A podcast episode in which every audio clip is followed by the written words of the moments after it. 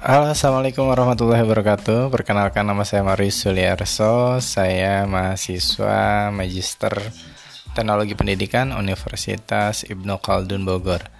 Saat ini saya akan membicarakan tentang materi belajar merdeka belajar dan belajar merdeka. Merdeka Belajar adalah program kebijakan baru Kementerian Pendidikan dan Kebudayaan Republik Indonesia yang dicanangkan oleh Menteri Pendidikan dan Kebudayaan RI Kabinet Indonesia Maju, Bapak Nadim Anwar Makarim. Esensi kemerdekaan berpikir menurut Nadim harus didahului oleh para guru sebelum mereka mengajarkannya pada siswa-siswi.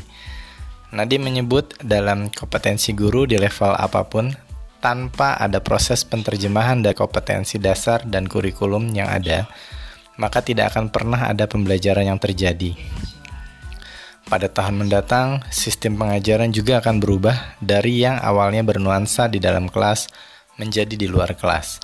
Nuansa pembelajaran akan lebih nyaman karena murid dapat berdiskusi lebih dengan guru, belajar dengan outing kelas, dan tidak hanya mendengarkan penjelasan guru, tetapi lebih membentuk karakter peserta didik yang berani, mandiri, cerdik dalam bergaul, beradab, sopan, berkompetensi, dan tidak hanya mengandalkan sistem ranking yang menurut beberapa survei hanya meresahkan anak dan orang tua saja.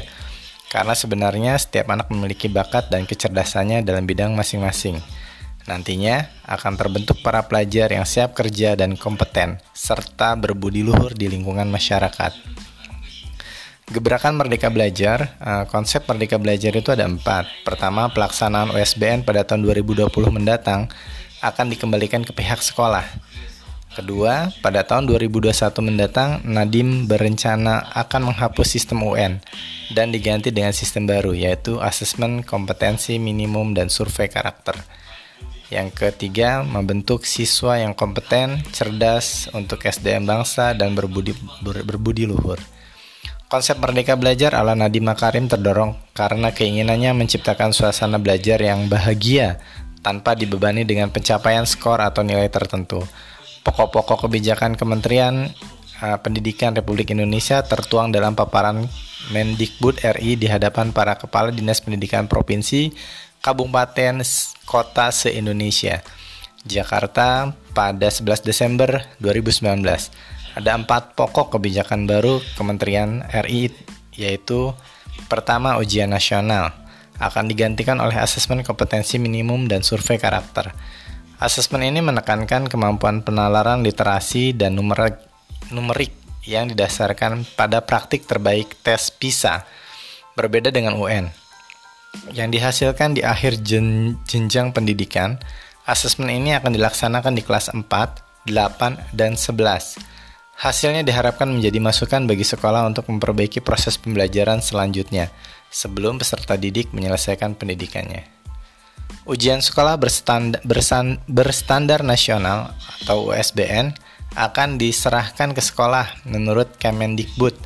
Sekolah diberikan keleluasan dalam menentukan bentuk penilaian seperti portofolio, karya tulis, dan bentuk penugasan lainnya.